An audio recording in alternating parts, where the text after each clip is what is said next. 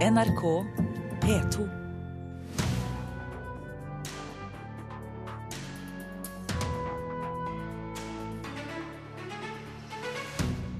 Rettssaken om Il Tempo Gigante går mot slutten, men krangelen om racerbilen kan bli til en strid om Aukrusts figurer fra Flåklypa. Ukrainsk filmregissør er tiltalt for terrorisme i russisk domstol. I dag ventes dommen. Diktaturet er folkeopplysning for generasjonen som har vokst opp med Paradise Hotel, sier eh, Vårt Lands anmelder om realityserien som hadde premiere i går. Dette er blant sakene her i Kulturnytt i Nyhetsmorgen. I dag er det klart for prosedyrer i rettssaken om racerbilen Il Tempo Gigante, kjent fra Flåklypa. Samtidig brygger det opp til nye stridigheter rundt hele Flåklypa-universet. Caprino Filmsenter har meldt opphavsrettslige krav til produsentene av de nye Flåklypa-filmene. 37 mil nordover. Il Tempo Gigante har vært stridens kjerne i en rettssak på Lillehammer den siste uka. Nå har òg Reodor Felgen, Solan og Ludvig blitt advokatmat. Vi har sendt en redegjørelse til eh, Maipo hvor vi grundig redegjør for Caprino Filmsenter sitt rettslige syn på det, og det forventer vi å få et svar på. Sier Caprino Filmsenters advokat Thomas Myrbostad. Maipo er filmselskapet som med lisens fra Aukruststiftelsen har laget de nye Flåklypa-filmene. Jul i Flåklypa som kom i 2013, og Herfra til Flåklypa som har premiere i høst. Det er. Ivo Caprinos innsats som gjør Flåklypa-figurene attraktive, sier Thomas Myrbostad. Det er derfor vi finner Il Tempo Extra Gigante på Hundefossen. Og når eh, Aukruststiftelsen lisensierer en ny film til Maipo, så er jo det også da trekøvere fra Flåklypa Grand Prix. Det store allstyrende Synnøve Hørsdal i Maipo bekrefter at de nylig fikk et brev fra Caprinos advokater. Men hun vil ikke si noe om innholdet, utover at det handler om Caprinos rettigheter i Flåklypa-universet. I natt skal du ligge innerst. Akkurat som i striden om Il Tempo Gigante har Maipo også understreket at de baserer sine dokker på Kjell Aukrusts tegninger, og ikke Ivo Caprinos filmdokker. Ivo Caprino gjorde aldri noe forsøk på å ta kontroll over Aukrust-universet. Men nå hevdes det, og det er for første gang, 40 år etter premieren på Flåklypa Grand Prix, Sa Aukruststiftelsens advokat Are Stenvik til NRK under den pågående rettssaken i forrige uke. Deres frykt er nettopp at Caprino er ute etter å få kontroll over hele Flåklypa-universet. Ja, det får det til å høres ut som det er Caprino som på en måte har gått på krigsstien her. Faktum er at det er Aukruststiftelsen som nå har bestemt seg for å kjøre et løp eh, for å kommersialisere rettighetene etter Aukrust. Eh, og de rettighetene som har størst verdi, er selvfølgelig det Flåklypa-universet som Caprino har gjort kjent gjennom filmen. Nei, altså, selve denne saken eh, er jo nå blitt en juridisk suppe av spissfindigheter. Sier forfatter og forlegger Anders Heger. Han mener denne striden om et åndsverk er uhyre interessant for forlagsbransjen. Absolutt. Eh, og det er fryktelig interessant og litt forstemmende i skjæringspunktet mellom kunst, juss og penger at dette i det hele tatt kan skje. Fordi vi begynner jo etter hvert å tro at det er den som har kapitalisert på produktet, som eier det, ikke opphavspersonen. Hvis det skjer, så er vi ute i et fryktelig farlig landskap. Sa Anders Heger, som selv altså både er forelegger og forfatter. Reporter Torunn Myhre. Agnes Moxnes, kulturkommentator her i NRK. Hvis Caprino Filmsenter vinner denne saken mot Hunderfossen familiepark, må norske forfattere være mer forsiktige med å inngå filmavtaler i fremtiden? Ja, I sin ytterste konsekvens eh, vil jeg si ja til eh, det. Fordi hvis Caprino får medhold i at eh, Ivo Caprino skal ha opphavsrettigheter fordi han var ekstremt flink eh, til å tolke og videreutvikle Kjell Aukrusts eh, tegninger og, og eh, bøker, så ville i hvert fall jeg tenke meg om to ganger før jeg solgte rettigheter til et filmselskap, ja. Saken har eh, pågått en uke i retten. Kan du rekapitulere? Hva handler det om? Det handler jo om, om penger, altså hvem skal ha rettigheter til dette universet. Det har vært mye snakk om verkshøyde for Lillehammer disse dagene her. Eh, nettopp det faktum at Ivo Caprino har liksom gjort gjort eh, Aukrusts verk og hans figurer enda bedre med gjennom jobben på Il Tempo Gigante. Er egentlig ingen som tviler på det. det som har, den som også har vært med på den prosessen der, er jo den, liksom den briljante teknikeren og kunstneren Bjarne Sandemose, som vært, var helt avgjørende for at Il Tempo Gigante ble som den ble. Det er en del snakk om Sandemose i, i retten og og hans innsats, eh, men Sandemose og hans arvinger er ikke til stede i rettssalen. Eh, det skulle man kanskje tenkt seg at de var, for de kunne jo støttet Remo Caprino. Men jeg tolker deres fravær dit hen at de ikke gjør det. For her handler det altså om racerbilen som man har laget en berg-og-dal-banevogn som ser ut som. Der var det også en karosseri, karosseribygger med i, i, i, bildet. Men hvis mange kjenner figurene nettopp pga. filmen, Eh, hvor, hvor høyt er denne verkshøyden? Ja, det er det. Det er blitt et veldig viktig spørsmål som retten skal ta stilling til. De skal sitte to dager til. Det er altså prosedyrer i dag og i morgen. Og så får jo da tiden vite, vite vise om denne saken kommer til å bli anket. Det er nok veldig mange som tror det, fordi det er mye Det er en vanskelig sak, og vanskelige saker, der er det mye advokatmat. Så hørte vi om et brev skrevet til Maipo, som har produsert de siste Flåklypa-filmene. Står vi foran flere runder i retten om Aukrusts eh, figurer? Ja, Det ville ikke forbause meg ved siden av at denne saken her antageligvis kommer til å, å gå hele veien til uh, Høyesterett. Uh, så er det slik at Maipo har laget to filmer. Det ene var 'Jul i Flåklypa' for en par år siden. Gikk så det suste. Jeg tror han nesten én million solgte billetter. Annen, første juledag så er det premiere på 'Herfra til eh, Flåklypa', samme filmselskap. Nå har de fått et brev fra Caprino-arvingene som vil se nøyere på om deres bruk av Solan og Ludvig og andre figurer som også er med i Il Tempo Gigante, gir Caprino-familien rettigheter. Takk. Agnes Moxnes.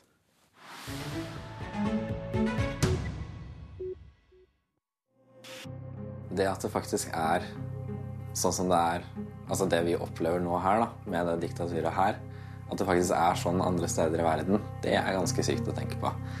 Og tenke det at folk faktisk lever sånn hver dag. Altså, du må jo bli gal, tenker jeg da. Jeg hadde ikke klart det her et år. Dette var fra den nye serien Diktaturet, som hadde premiere i går kveld på NRK.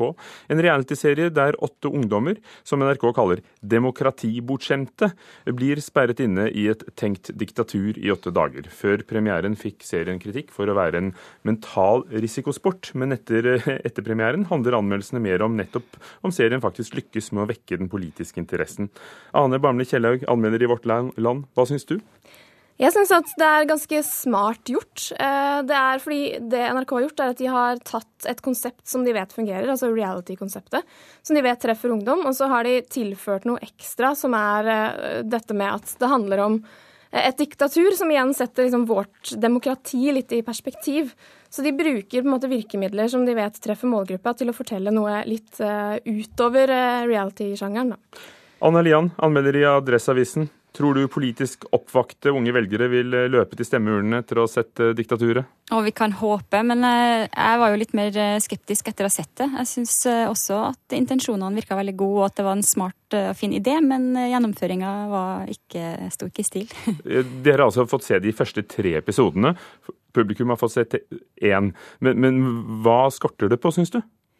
Nei, altså det, det, handler vel egentlig mest om eh, at det, det, må jo være god TV også for, for at ungdommen skal, skal, bli revet med og la seg engasjere. Og det der det, jeg syns det mangler det, eh, det, det er bare en realityserie som alle andre. Det er ingenting der som, eh, som skiller det så veldig ifra faktisk Big Brother, annet enn at det faktisk er ikke ikke like drøyt, ikke like altså De er innestengt i åtte dager. Det er ikke nok til at vi tror på at de har det så veldig fælt. De sitter og spiser god mat, og det Ja, vi De første tre episodene gir oss i hvert fall ikke noen grunn til å, til å bli veldig berørt og, og, føle noe særlig sympati med dem som er inne der. Og da tror jeg kanskje ikke at engasjementet heller blir, blir vekka, da.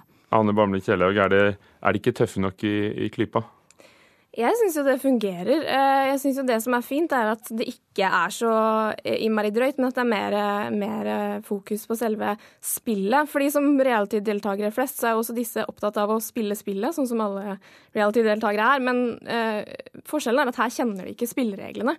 Fordi alt er snudd på hodet. Den norske rettferdighetssansen som de har med seg, den er ikke verdt noe. fordi plutselig så er alt er annerledes da, enn det de kanskje forventer. Og, og jeg syns det er interessant å se hvordan uh, de ulike typene altså Det er jo en som er kommunist, så det er en som syns Frp er for snille. Som hvordan de liksom uh, argumenterer for ja, vi må ha revolusjon, men, men hvorfor må vi det? da? Så det blir ganske mange interessante diskusjoner og spill i selve, i selve serien, syns jeg. For Anna Lian, Noe av kritikken i, i forkant gikk jo bl.a. fra psykologer på at, at, man kan ikke gjøre sånt mot folk. og da er det vel, eh, Hvordan har de balansert det? Hvor tøft du kan faktisk være med mennesker i det demokratiet vi lever i, eh, og det at serien skal, eh, skal ha en effekt?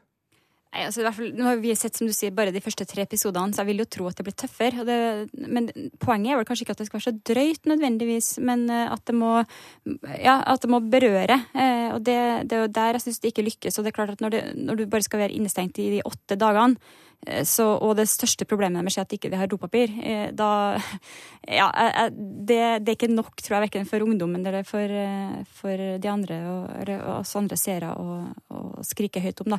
Så at, at den drøyhetsdebatten tror jeg bare blir lagt død med en gang.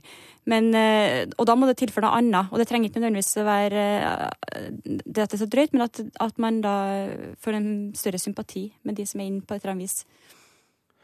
Har du noen betenkeligheter Anne, med, med hvordan deltakerne behandles? Nei, jeg syns dette er veldig, det er veldig snilt sånn sett. Det er jo åtte dager, og det er jo, ikke, det er jo ikke et diktatur med voldelige konsekvenser. Det er jo mer at de finner ut at det er frykten i vårt eget hode som er eh, den største fienden her. Når det gjelder å mobilisere um, unge mennesker til å stemme, så tror jeg det er jo vel så viktig å få å få unge velgere til å skjønne hvorfor de skal bruke stemmeretten. Uh, og jeg tror at partilederdebatter kanskje ikke er veien å gå der partilederne slår hverandre i hodet med argumenter, men at dette kanskje kan sette i gang litt sånn tankeprosess. Da, hva er det egentlig vi har? Uh, Hvorfor er demokratiet verdt å, å, ta vare på? I Kulturnytt i dag skal vi høre om en ukrainsk filmregissør som skal uh, få en dom i russisk militærdomstol i dag. Uh, han anklages for terrorisme. Uh, mange mener jo at han ikke har gjort noe sånt. Og vi skal høre om mediene på Cuba som får streng sensur. er det en betimelig påminnelse for, for oss som lever her, om hvordan det er andre steder? Jeg det, spør dere begge. Det er jo høyeste grad det, og ikke minst i dag, i lys av den Anundsen-videoen, så får man jo følelsen av at virkeligheten eh, overgår fantasien her. Så absolutt er det det. Så Vi skal derfor, også innom justisministerens video, som en kritiker kaller for uh, nordkoreansk. Hva sier du? Jeg tror det er veldig viktig å få unge mennesker til å reflektere rundt hva er det vi har, og hva er friheten vår verdt, og hva er vi villige til å ofre for den, da, eh, vi som har det så godt. Men er det god TV? Ja. Nei. Takk skal dere ha. Anna Lian, anmelder i Adresseavisen, eh, sa nei. Og Ane Barmli Kjellaug, anmelder i Vårt Land, sa ja. Takk for at dere kom til Kulturnytt. Klokken er 16 eh, minutter over åtte. Nyhetsmorgen har disse overskriftene i dag. Politiet i Oslo opptrer rasistisk overfor bostedsløse. Det er konklusjonen i en rapport fra den nye nasjonale institusjonen for menneskerettigheter. Oslo-politiet vil ikke svare på kritikken før de har lest rapporten, men sier på generelt grunnlag at slik behandling er uakseptabelt. I Asia fortsetter børsfallet etter at handelen startet nå i morgentimene. Og senere i Kulturnytt skal vi altså høre om Cuba, hvor staten holder en streng hånd over mediene, samtidig som undergrunnskulturen blomstrer. Den er nesten ufrivillig komisk, det sier generalsekretæren i Norsk redaktørforening, Arne Jensen, om filmen som Justisdepartementet lanserte i går. Jensen sa til Dagbladet at statsråden fremstår som en blanding av en førsteårs journaliststudent og Kim Jong-un. Anders Anundsen reiser rundt og besøker embetsmenn og spør bl.a. om hva de mener om endringene som regjeringen har gjennomført, og om det fungerer. Statsråden fremstår som en programleder i filmen, og det har fått flere til å reagere. En av de tingene som er mest frustrerende som politiker, er at media veldig ofte er opptatt av å finne de negative vinklingene på sakene. Derfor har vi laga en egen film som skal fokusere på hva regjeringen mener er viktig for å sikre din trygghet. Vi skal snakke om politi, vi skal snakke om eh, domstoler, vi skal snakke om påtalemyndighet, vi skal snakke om kriminalomsorg og vi skal snakke om asyl- og innvandringspolitikk. Det er ganske dårlig. Eh, det er virkelig litt ubehjelpelig. Eh, nesten ufrivillig komisk. Sier generalsekretær i Norsk redaktørforening Arne Jensen. Det er litt sånn Kim Jong-un i, Nord-Korea som reiser rundt og ser på ting. Og alt det fine som man har. I filmen er Anundsen programleder og forteller hvilke tiltak regjeringa har satt i gang innenfor justissektoren. Anders Anundsen selv kjenner seg ikke igjen i kritikken. Nei, dette er jo bruk av virkemidler for å spre informasjon. Og jeg tror at dette er noe som blir oppfatta av mange flere enn de som leser brosjyrer. Og det er noe nytt. eh, Og så får vi se om det har den positive effekten som det vi tror det vil ha. Sa justisministeren til vår reporter Runa Rød. Он не с твоим корешем, а с Пашкой сейчас играет вместе. Ну что? I dag faller dommen mot den ukrainske filmregissøren Oleg Sentsov i en russisk militærdomstol. Det vi hører fra her, er fra hans spillefilmdebut 'Gamer', om en ung datanerd som kom i 2012. Sentsov er tiltalt for å ha deltatt i terrorhandlinger og risikerer 20 års fengsel. Russland-korrespondent Morten Jentoft, hva er det anklagene går ut på? Ja, det er jo eh, anklager om eh, forberedelser til eh, terrorhandlinger. Altså deltatt i ulovlig virksomhet som kan føre til terror rettet både mot politiske partier, men også da mot konkrete steder da på Krimhalvøya. Og Aleksensov han er jo selv ifra Krim, som altså var en del, eller formelt fremdeles er en del av Ukraina, men som ble annektert av Russland i fjor vår. Oleksensov han var aktiv motstander av denne annekteringen. Han var også en aktiv deltaker i dette Maidan-opprøret i Ukraina mot det sittende regimet i Ukraina. Han, var, han har aldri lagt tvil om det at han var aktiv på Krimhalvøya i motstand mot det, det, som han mener er en russisk okkupasjon. Og det var i denne forbindelsen han altså ble arrestert og anklaget for terrorisme. Og senere så har det jo da vært, som du sa, en slags rettssak i en militær domstol mot ham, der vitner har først tilstått og vitnet mot Aleksensov, men senere trukket tilbake sine vitnemål og sagt at de bl.a. har skjedd under tortur. Så hvordan forholder Ukraina og, og for den saks skyld andre land seg til, til rettssaken og, og Russland? Ja, man sier jo det eh, over hele verden, stort sett bortsett fra i Russland, at dette er en politisk rettssak. Og det har jo ført til et enormt engasjement blant filmkunstnere over hele verden. Ikke minst i Øst-Europa, Tsjekkia, Polen, eh, der man har hatt et veldig aktivt engasjement mot denne rettssaken. Og også eh, har det vært engasjement i, i, i Russland da mot, eh, mot det, som skjer i forbindelse med eh, Aleksensov. Som man ser da som et angrep ikke bare på på, på, ytringsfriheten i Ukraina, men også på et angrep mot dem selv og muligheten for frie ytringer i Russland. Og også store internasjonale regissører som Wim Wenders, Mike Lee, Pedro Almodovar har skrevet åpent brev til, til Russland om saken. Men hvilken innvirkning har dette folkeopprøret overhodet? Nei, altså, vi, vi, får se hva som kommer til å skje i dag. Det er jo, som du sa, altså ventet en dom på hele 23 år da, eh, mot det som mange mener er fabrikkerte anklager her. da. Så får vi se hva dette ender opp med. Det er jo flere andre slike eh, prof, høyt profilerte rettssaker her i Russland mot eh, ukrainere, bl.a. mot denne eh, ukrainske flygeren Nadia Savchenko, som ble kidnappet, må vi kunne si, mer eller mindre inne i Ukraina. og og eh, tatt til Russland anklaget for å ha vært med å drepe to russiske journalister. Så eh, det, det, blir interessant å se hvor, eh, hva slags høy profil russerne velger å ha i disse rettssakene, hvor langt de er villige til å kjøre dem, om det eventuelt kan ende med at de får en tøff dom, og at russerne, uh, Russlands president Vladimir Putin etterpå da viser god vilje og, og, og, og gir dem en slags amnesti da, og, setter dem fri, kanskje i form av en utveksling mot Russland. Vi vet at det finnes russiske soldater som sitter fengslet i Ukraina. Så det inngår i et større politisk eh, spill? Det kan det fort gjøre. Dette er jo selvfølgelig et uh, politisk spill. Men når du sier det at selvfølgelig det har vært et engasjement her i, i Russland også eh, mot uh, disse dommene her, så er det også en ganske sånn likegyldig holdning til dette her i Russland. Vi vet at et stort flertall av russerne støtter annekteringen av Krim, som de mener er deres. Befolkningen på Krim er i alle fall i hovedsak da russisktalende og støttet at området skulle bli en del av Russland. Sånn at det er ikke noe folkebevegelse her i Russland da, til støtte for uh. Men det er, det er, interessant å se at det er en god del filmskapere uh, her, da. Bl.a. Den, den høyt profilerte Andrej uh, Svjagintsev, som laget den prisbelønte filmen 'Leviatan' i fjor, som har gått veldig tøft ut og sagt at dette er en fabrikkert rettssak, og det er viktig at russiske kunstnere støtter, støtter Sensev i denne situasjonen. Takk skal du ha, Russland-korrespondent Morten Jentoft på gaten i Moskva.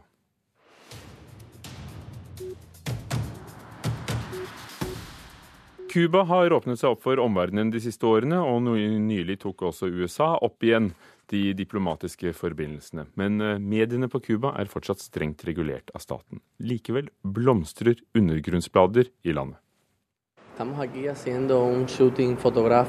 Vi tar bare bildet, sier fotografen som er på jobb for det cubanske undergrunnsmagasinet Vister Magasin. Magasinet blir laga av mediegruppa El Pakete. Redaktør Soso Salim sier til Danmarks Radio at de er et kulturmagasin som ikke tar opp økonomi og politikk. We just take everything that happens in the culture The government is agree because we don't talk about politics and economic, just we talk about culture. Magasinet blir distribuert på USB-minnepenner sammen med ulike filer med bl.a. amerikansk musikk og fotballspill. Minnepennene blir levert til abonnenter som gir magasinet videre til andre cubanere, og slik blir det spredd. Los Estados Unidos acogen con beneplácito Tidligere denne måneden gjenåpna John Kerry den amerikanske ambassaden på Cuba. De siste åra har det skjedd en gradvis oppmjuking mellom de to landene. Det merker også undergrunnsmedia, og grunnleggeren av El Paquete, Elio, sier til Danmarks Radio at han er usikker på om det de driver med nå er ulovlig eller ikke. Akkurat nå vet vi ikke om vi er lovlige eller ikke, sier han. Dette er et uavhengig prosjekt av ei gruppe mennesker. Men det er opp til styresmaktene å avgjøre om det vi gjør er ulovlig. I bunn og grunn driver vi med spredning av informasjon. Statlige medier sliter med oppslutninga blant folk på Cuba. De liker undergrunnsmagasiner bedre. Jeg liker magasiner veldig godt, sier Luis Del Pino. Vi får tilgang på ting vi ikke hadde før. Alle mulige slags ting. Ei jente får et magasin som hun gir videre til ei kvinne, som hun gir videre til noen andre, forteller Jamil Rodriguez. Magasinene er i heimene til folk, på apoteket osv. El Paquete har blitt blant de mest populære undergrunnsmedia, og kanskje også noe av det viktigste som har hendt i dette landet de siste åra, sier grunnleggeren Elio til Danmarks Radio. Más importante que ha pasado en los de, la, de, de nuestro país. Og reporter var Espen Alnes. Vegard By, cubakjenner og forsker ved Senter for utvikling og miljø ved Universitetet i Oslo. Og forfatter, en av forfatterne bak boken 'Dette er Cuba, alt annet er løgn'. Hvordan er pressefriheten på Cuba nå? Formelt så er det slik at det er bare statlig partikontrollerte media som opererer med eh, aviser, magasiner eh, og radio-TV. Men uh, dette forbudet mot pressefrihet i sin alminnelighet det undergraves jo effektivt, meget effektivt av teknologiske endringer og av cubanernes voldsomme oppfinnsomhet. Slik at i dag så er informasjonsmonopolet helt klart brutt på Cuba. Hvilken rolle spiller da disse undergrunnsmediene vi hørte om, bl.a. blader distribuert på minnepinner? Altså Minnepinnen det er på en måte cubanernes svar på internett. Eh, fordi tilgangen på internett er både begrenset og fryktelig dyrt. Så det som, eh, det som, vi i Norge er vant til å ta ned fra Google og YouTube, hva det måtte være, det distribueres da i en ukentlig såkalt pakke, eller paquete, som, som, gjennom uformelle kanaler når fram til alle cubanere som er interessert. Blant ungdom så tror jeg at eh, de offentlige media har null relevans for Cuba. For, for, for, det store flertallet ungdommer. Det er El Paquete, det er bloggere, veldig aktive bloggere, uformelle journalister. Eh, du har en cubansk eh, virtuell dagsavis som heter Catorce Medium, meget bra, som cubanerne ikke får ta inn via, via internett fordi den er blokkert, men de får den på andre måter. Men samtidig så virker jo det dette ganske paradoksalt, for når staten er såpass sterk, så skulle vi jo trodd at de kunne kontrollert mer hvis de ville. Er det med vilje at de ser gjennom fingrene på dette? Det er klart det foregår en intern eh, strid om hva man skal slippe løs. Eh, de fleste skal vi si, litt yngre partifunksjonærer, statlige funksjonærer innser at de kan ikke stoppe dette. Faktisk har staten prøvd å komme med et, et, et alternativ eller pakket som ikke har vært noen suksess. Men det er et uttrykk for at de innser at dette er på en måte den form for informasjonstilgang som unge, unge mennesker framfor alt søker, og som de bare må akseptere. Så de prøver seg på å være unge og kule og lage en slags sånn bloggaktig sak selv? Ja. Men det har ikke vært noen suksess. Forholdet med USA uh, har bedret seg betraktelig. Mm. Hvordan påvirker det uh, ytringsfriheten også? Et interessant eksempel. John Kerrys tale da ambassaden ble gjenåpnet, ble overført direkte på cubansk TV. Og det er et uttrykk, Mens da Barack Obamas tale den 17.12. i fjor, da de gjenopptok forbindelsene, ble ikke overført direkte. Det er et uttrykk for at, at det er en glidning i retning av at man aksepterer stadig mer at man kan ikke kontrollere informasjonen. Og Det tror jeg er et uttrykk for at, at det cubanske samfunnet i det hele tatt blir mer pluralistisk. Man snakker om et sivilt pluralistisk samfunn innenfor en politisk autoritær stat. Vil det, tror du, befeste eh, grepet myndighetene har om Cuba? Fordi det tross alt blir lov å oppføre seg annerledes, eller, eller, vil det tvert imot undergrave det? Det er det store spørsmålet. Eh, det skal komme en helt ny generasjon ledere på Cuba om tre år, i 2018. Eh, hvem som overtar eh, kontrollen der, vil være veldig avgjørende. Og hvordan hele den økonomiske utviklinga blir, hvordan forholdet til utlandet blir. Sivilsamfunnets eh, evne til å, å gripe si, den, det rommet som nå oppstår. Dette er foreløpig bare spekulasjon. Men jeg tror det er en sammenheng mellom økonomisk åpning og at hele arkitekturen i det cubanske samfunnet endres. Og det vil også ha politiske, politiske virkninger. Takk skal du ha, Vegard By, forsker ved Senter for utvikling og miljø på Universitetet i Oslo, og en kjenner av Cuba. Hanne Lunås var teknisk ansvarlig for Kulturnytt, Gjermund Jappé produsent og Ugo Fermariello programleder. I dag har vi hørt bl.a. at uh, rettssaken om uh, Il Tempo Gigante bare er begynnelsen på en krangel om hele Aukrusts Flåklypa-univers. Dette er Nyhetsmorgen, klokken er straks halv ni. Hør flere podkaster på nrk.no podkast.